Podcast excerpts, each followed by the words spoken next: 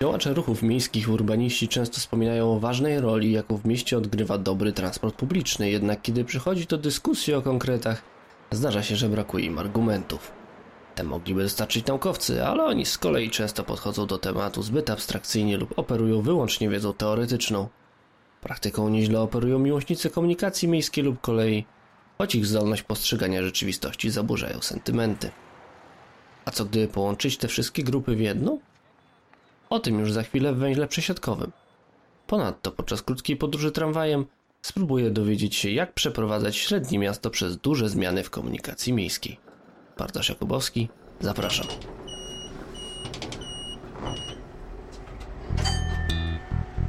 Z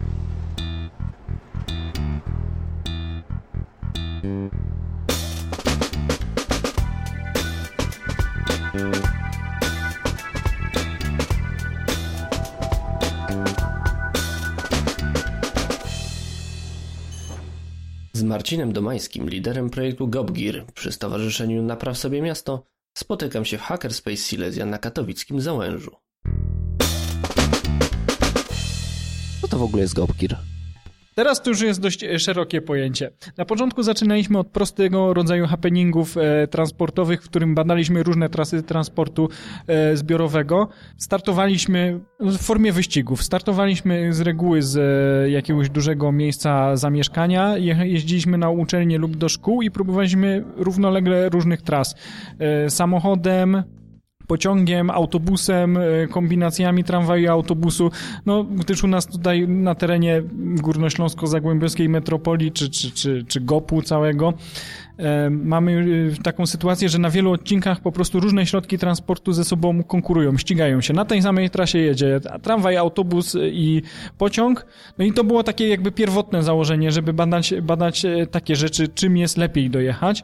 Natomiast z biegiem czasu troszkę, troszkę to e, ewaluowało i zaczęliśmy robić różne inne rzeczy. Happeningi takie promujące transport, ale jednocześnie pokazujące, jakie są w nim luki. Staraliśmy się właśnie pogodzić te dwie e, teoretycznie sprzeczne rzeczy, pokazując przede wszystkim, że transportem e, zbiorowym też można się bawić, ale że może te, z tej zabawy też coś być jakby dla społeczeństwa.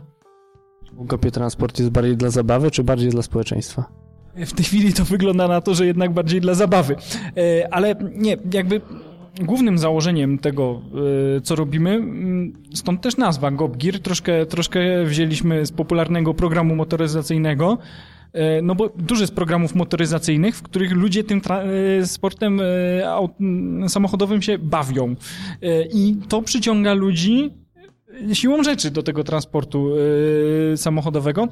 Yy, myśmy chcieli przyciągnąć troszkę do zbiorowego, więc widząc, że jest jakaś grupa pasjonatów, która coś robi i ma z tego dobrą zabawę, to zmuszało troszkę jakby do myślenia, chociażby, że coś takiego jak transport zbiorowy istnieje i że warto się może tym zainteresować, tak? Także wzbudzaliśmy na ten temat dyskusję. Nie podawaliśmy jakby gotowych rozwiązań, tylko yy, pokazywaliśmy, że jest dyskusja, na, na różne właśnie tematy około, około mm, transportu zbiorowego. Coś tą dyskusją udało się osiągnąć? GovGear przełożył się jakoś na działanie organów odpowiedzialnych za transport publiczny, za mobilność, za infrastrukturę komunikacyjną tutaj w metropolii? No to właśnie na zasadzie takich działań inspirująco-rzeczniczych, czyli to trzeba na efekty czekać no, długofalowo, tak? To nie jest coś, co się stanie z dnia na dzień, bo my nie działaliśmy na tej zasadzie, hej, poprawcie nam od razu ten rozkład jazdy tutaj na tej linii, czy, czy dobudujcie jeden przystanek. Takie rzeczy też się działały, y, zdarzały, ale my działaliśmy głównie na taki, czy działamy dalej oczywiście. Mówię troszkę w czasie przeszłym, bo, bo jakby zakres działania się cały czas zmienia, dochodzi coś nowego. E, ale na samym początku tak to było i przez e, pierwsze, pierwsze dwa lata działalności skupialiśmy się na tym, żeby ten nasz przekaz doszedł do władz. I, i, i tak się trochę stało, bo, bo, bo jakby my się tu spotkaliśmy pierwszy raz pod hasłem e, szybkiej kolei miejskiej, żeby, żeby zrobić jakieś działania, żeby zachęcić polityków do, do realizacji, szukania funduszów. E, udało się to w ten sposób, że no po latach jakby jak powstała Górnośląska Zagłębiowska Metropolia, to mm, to tamtejsi urzędnicy postawili to jako priorytet, tak, że, że już coś z tym zaczynają robić. Oczywiście to są odległe, e, do realizacji jeszcze jest dość daleko e, i nawet do, do, do jakiejś, mm, bardzo jestem, mamy do czynienia z wstępną koncepcją, można dyskutować, czy ona jest e, ciekawa, czy nieciekawa, ale jakby działania takie inspirujące, że pokazywać tematy, które mogą być priorytetami. To się udało generalnie w ogóle to, że w metropolii głównym, głównie rozmawia się o e, transporcie zbiorowym, e, a mniej o innych rzeczach, choć to jest jakby jednak główne zadanie tego organu, no to też, też jakby traktujemy jako nasz sukces. Bardzo inspirujemy tamtejszych urzędników, z którymi też mamy jakiś kontakt i, i myślę, że, że to jest to, to takie działanie też długofalowe, ale, ale to takie rzecznicze. No właśnie, bo miałem takie wrażenie, że przewodniczący Karolczak tak dość dużo mówi o transporcie w ostatnim czasie, tak żywo się tym tematem interesuje. No, no czytając i, i słuchając, co on mówi, to ja mam wrażenie, że on traktuje to jako priorytet teraz. E, tak, i e, no to jest pytanie, e, bo on jakby przychodząc do metropolii już to miał gdzieś z tyłu głowy i my się pojawiliśmy jakby wtedy od razu z ofertą, że chętnie wspomożemy go w, w tych działaniach. Mamy taką grupę dyskusyjną na Facebooku, gdzie on zresztą się dość aktywnie udziela, no bo on jest bardzo aktywny w mediach społecznościowych, z której on i nie tylko on, bo nas tam naprawdę dużo ludzi, ludzi czyta, uczą się od nas, e, no chociaż oczywiście nie bezkrytycznie, no bo, bo to mm, nie każdy pasjonat transportu ma zdrowe podejście do tematu. E, to też jest e, dość ciekawy problem. Przewodniczący jest tam aktywny zdecydowanie i, i to jest taki przykład, że na przykład priorytetem na początku, takim bardziej wizerunkowym, było stworzenie linii autobusowych na lotnisko. I tam był problem z tym, że no, otworzyli przetarg, e, ogłosili przetarg w no, takiej otwartej drodze i były wątpliwości, jaki przewoźnik wygra i czy ten tabor będzie rzeczywiście prestiżowy. I na tej mm, przykładzie on się tam nauczył, jakie są rodzaje autobusów i już zaczął ingerować wręcz w, w negocjować, jak, jakie autobusy będą jeździć. Widać było, że bardzo mu zależało, żeby to nie były białoruskie mazy gdzie wcześniej on w ogóle nie miał rozeznania na temat autobusów. Więc y, to są takie działania, że, że my gdzieś inspirujemy, edukujemy, choć to oczywiście jako grupa y, mamy różny poziom wiedzy na temat transportu publicznego i z tego sobie zdajemy sprawę, że jakby y, jesteśmy ważnym organem, jakby, który to konsultuje, natomiast no, nie tworzymy tego sami, tak? Tu ciekawy temat poruszyłeś, bo zazwyczaj takie grupy, które interesują się transportem zbiorowym, czy to koleją, komunikacją miejską, autobusami, no to właśnie są takie grupy typowo miłośnicze i one w jakiś sposób, mam wrażenie, ten ich pogląd jest y, skrzywiony, bo no one tak średnio dopuszczają do siebie jakąś taką dyskusję. Czym Gobgir różni się od takiej typowej y, grupy miłośników transportu publicznego? No i właśnie to jest dużo y, pracy i wydaje mi się, że to jest troszkę, bo ja jestem osobą jakby z zewnątrz. Ja się też tym nie interesowałem przedtem, E, w takim sensie, że okej, okay, jestem użytkownikiem transportu publicznego ja dużo jeżdżę, natomiast e, też na przykład e, jeszcze zanim wchodziłem w GoPGIR, nie rozróżniałem przewoźników i nawet nie za bardzo wiedziałem, jakimi autobusami jeżdżę, że to jest Massor. To mnie zupełnie nie interesowało, tylko takie kwestie typowo sieciowe, tak? I być może dlatego, że, że ja tutaj zacząłem wewnątrz Fundacji Napraw Sobie Miasto taką tematykę poruszać, skrzyknąłem grupę osób i też chyba na początku to były osoby jednak, które niekoniecznie wywodziły się z takiego typowo miłośniczego środowiska. No stworzyliśmy takiego ducha, że to przede wszystkim było coś takiego, że dużo ludzi lubi ten transport publiczny się nim poruszać, tych pasjonatów, ale to się nie przekłada na, na żadne realne działania, więc ten sposób ten naszych wyścigów był taki, że dwa w jednym, że oni się tym bawią, a jednocześnie coś pokazują, zachęcają do dyskusji od początku był też tutaj taki duch naukowy, można powiedzieć, że no takie wyścigi już bywały gdzieś, tylko z reguły się jeździło propagandowo od dworca do dworca, żeby pokazać na siłę, że ten transport publiczny jest, e, ma jakąś przewagę. Natomiast my e, jakby to wszystko urealniliśmy i cały czas ten duch taki e, roz, zdroworozsądkowy przemawiał, że, że mm, wśród nas są raczej tacy ludzie, którzy no nie, nie ma właśnie takich typowych miłośników, e, którzy zwracają uwagę tylko na kolor taboru, żeby on jeździł tradycyjnymi trasami, bo tak jest zawsze, e, że jest linia tramwajowa, prawda, gdzieś tam przez Rudę Śląską i czy ona ma rzeczywiście sens, e, no to po prostu rozważamy to zawsze. Nie, nie, nie patrzymy ślepo na jakieś tam tradycje, czy, czy, czy po prostu wieloletnie no to, że tak jest. Szukamy stanu, coś, czegoś, co możemy zmienić. Jak tak śledziłem e, te pierwsze, pierwsze kolejne potem wyścigi też gobgirowe, to zauważyłem też taką rzecz, że chyba też i sami członkowie Gobgiru czegoś się uczyli z tych wyścigów. Że właśnie to, że to byli ludzie, którzy nie byli miłośnikami komunikacji, że ta podróż odbywała się różnymi środkami komunikacji miejskiej, że nie była to e, taka propaganda transportu publicznego, tylko faktycznie takie no bądź co bądź obiektywne na swój sposób sprawdzenie tego, co w danej relacji lepiej w tym momencie działa, no bo to jest na daną chwilę w oczywisty sposób, tak?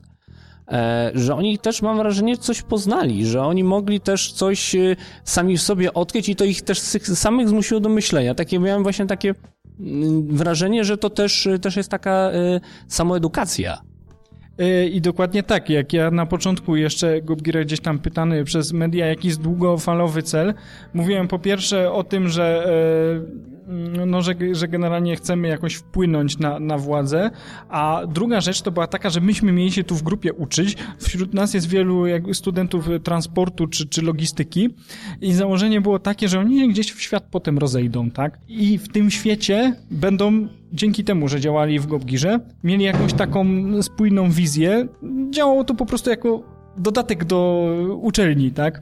E, tylko taki, powiedzmy, bazujący na realnych przykładach i mieliśmy nadzieję, że gdzieś, jeżeli to pójdzie, że jak pójdą ci ludzie w świat, to będą tego naszego ducha e, realizować w tych instytucjach, a jednocześnie dalej mając ze sobą kontakt będziemy kontynuować samokształcenie.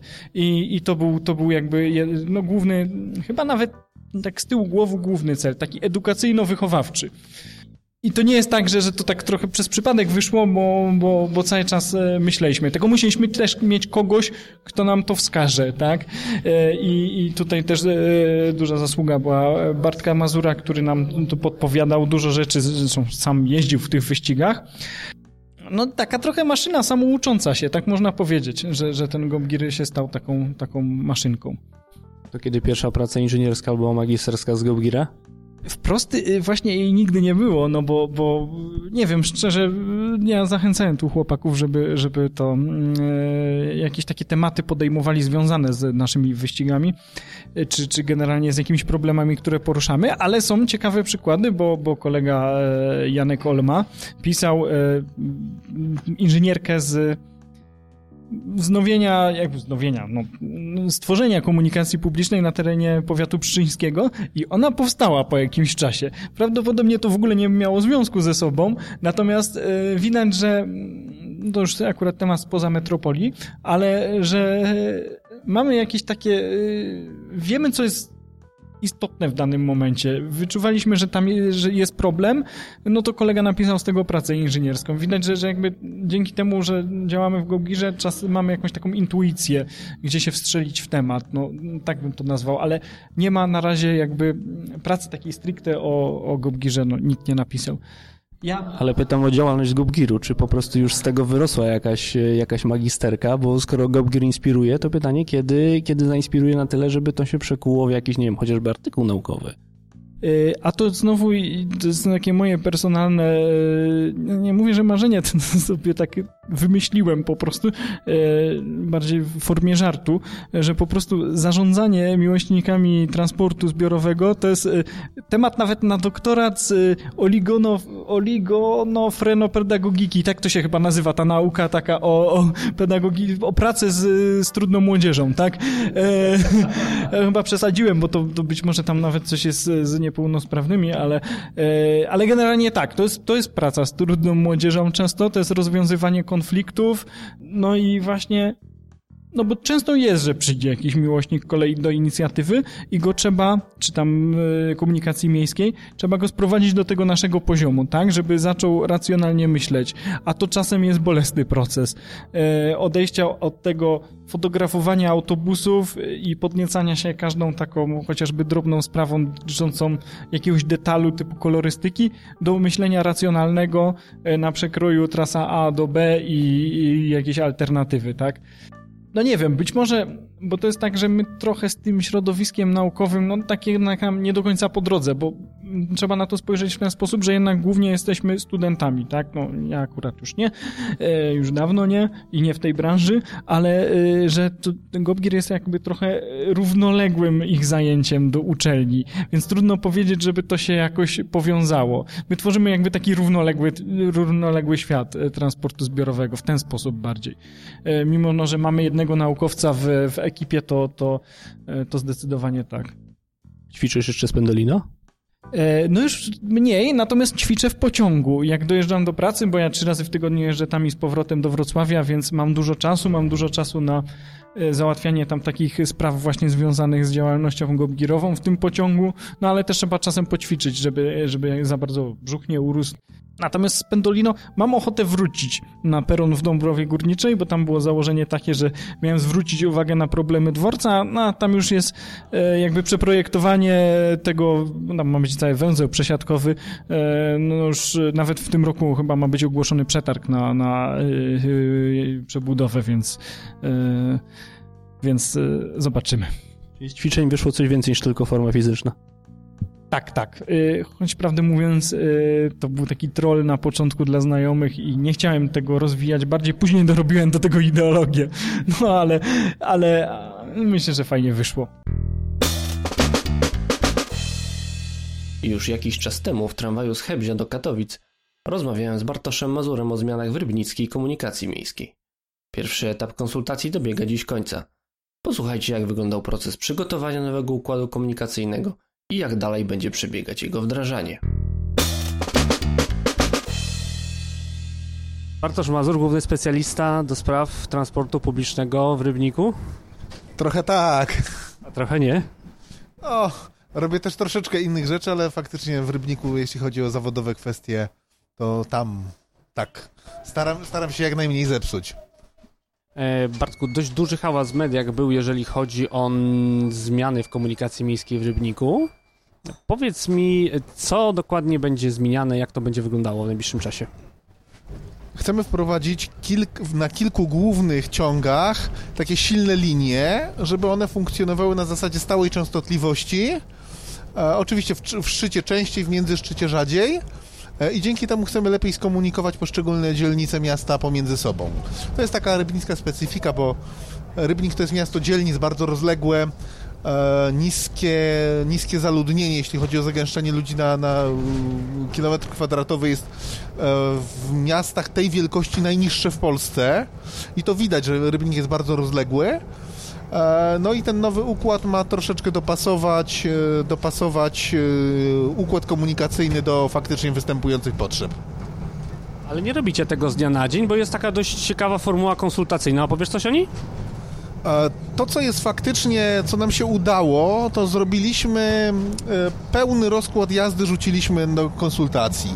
To nie jest to, że my sobie wyrysujemy coś na mapie, bo sama linia to tak naprawdę nic nie znaczy, bo linia może mieć 20 kursów, może mieć 30 kursów, może mieć dwa kursy, ale to też jest linia, prawda? A tutaj każdy może sobie zweryfikować, jak jeździ, jak będzie jeździł. Jest wyszukiwarka, która też pokazuje, każdy może wyszukać od przystanku do przystanku.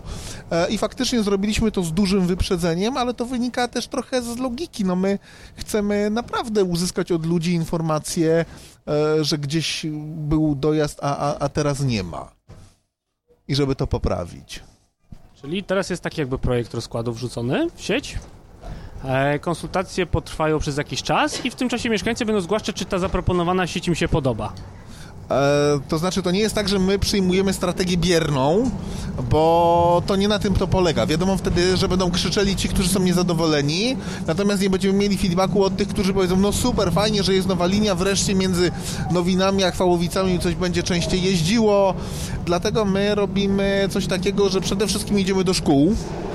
To wynika z tego, że uczniowie no to jest duża klientela to są też y, coś takiego, że no, dzięki temu traktujemy to trochę jak pas transmisyjny do dorosłych, ale mnie na przykład bardzo zależy, to jest trudne do zorganizowania logistycznie, ale żeby się spotkać na przykład z pielęgniarkami. Bo to jest, y, to jest duży rynek, jeśli tak można powiedzieć, to są ważni ludzie, a pracują na bardzo różne zmiany, i ja byłem szczerze mówiąc zaskoczony, jak nawet dzisiaj rozmawiałem z panią, która mówi, że ona ma zmiany 6-18, gdzie byłem przekonany, że cały szpital pracuje 7-19. E, także widać, że tutaj trzeba będzie, trzeba będzie jeszcze zapewnić dodatkowe kursy na godzinę 6 i odwrotnie i tak samo z 18. Pielęgniarki to jest bardzo ciekawy temat, ci powiem, bo to już nie pierwszy raz, y, że tak powiem, ze swoim doświadczeniem się spotykam z czymś takim, że że to jest ważna, ważna grupa w transporcie publicznym, ale powiedz tak y, bardziej systemowo, jak wygląda taka reorganizacja sieci transportowej w takim mieście jak Rybnik? E, to jest dużo pracy koncepcyjnej, to jest ścieranie się różnych argumentów to jest analizowanie, e, jakie są faktycznie potoki, gdzie tych potoków, gdzie, gdzie autobusów jest za dużo, jeśli tak można powiedzieć. Przy czym my staramy się nie obcinać liczby kursów, tylko na przykład, jak jest mniejsza dzielnica, to wysłać tam mniejszy autobus, ale z taką samą częstotliwością.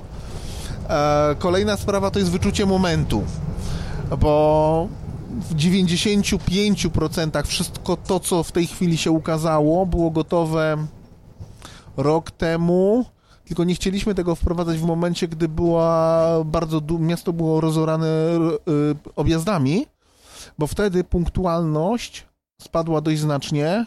Ona i tak jest mocno losowa, tutaj muszę powiedzieć szczerze.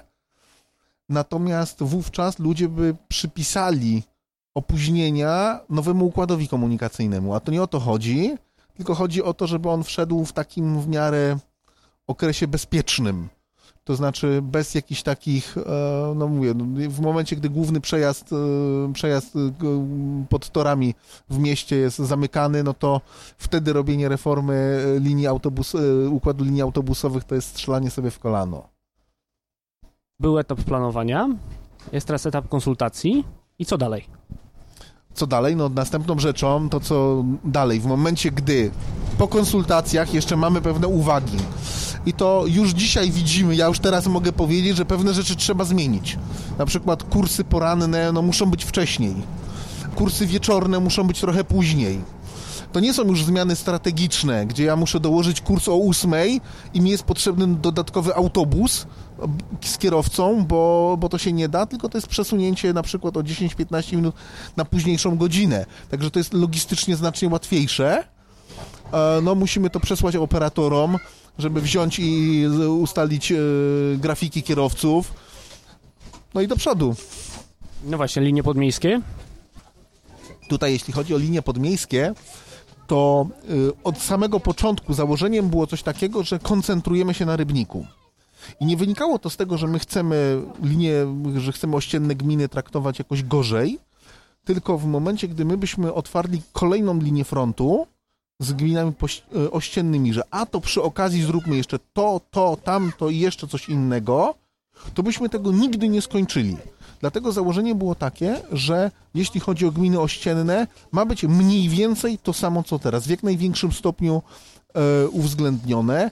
Jest jednym, jedynym wyjątkiem tutaj, jest gmina Radlin, ale to jest kwestia taka, że układ miasta nam nie pozwala działać inaczej. To znaczy, na końcu Niedobczyc jest bardzo duże osiedle i nie ma pętli. W związku z tym, jak my chcemy wzmocnić obsługę tego osiedla, to my z automatu musimy również wzmocnić e, w Radlinie komunikację. Jeśli chodzi o Radlin, to to też jest miejsce, które generuje duże potoki. Kopalnia, e, szkoła z, roz, z rozwiniętym węzłem sportowym, e, ludzie tam też dojeżdżają załatwiać różne, różne rzeczy E, na miejscu, także tak to wygląda.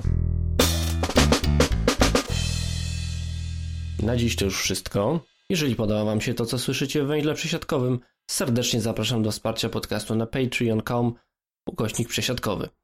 Zapraszam też do komentowania podcastu i oczywiście zgłaszania propozycji na tematy kolejnych audycji. Do usłyszenia.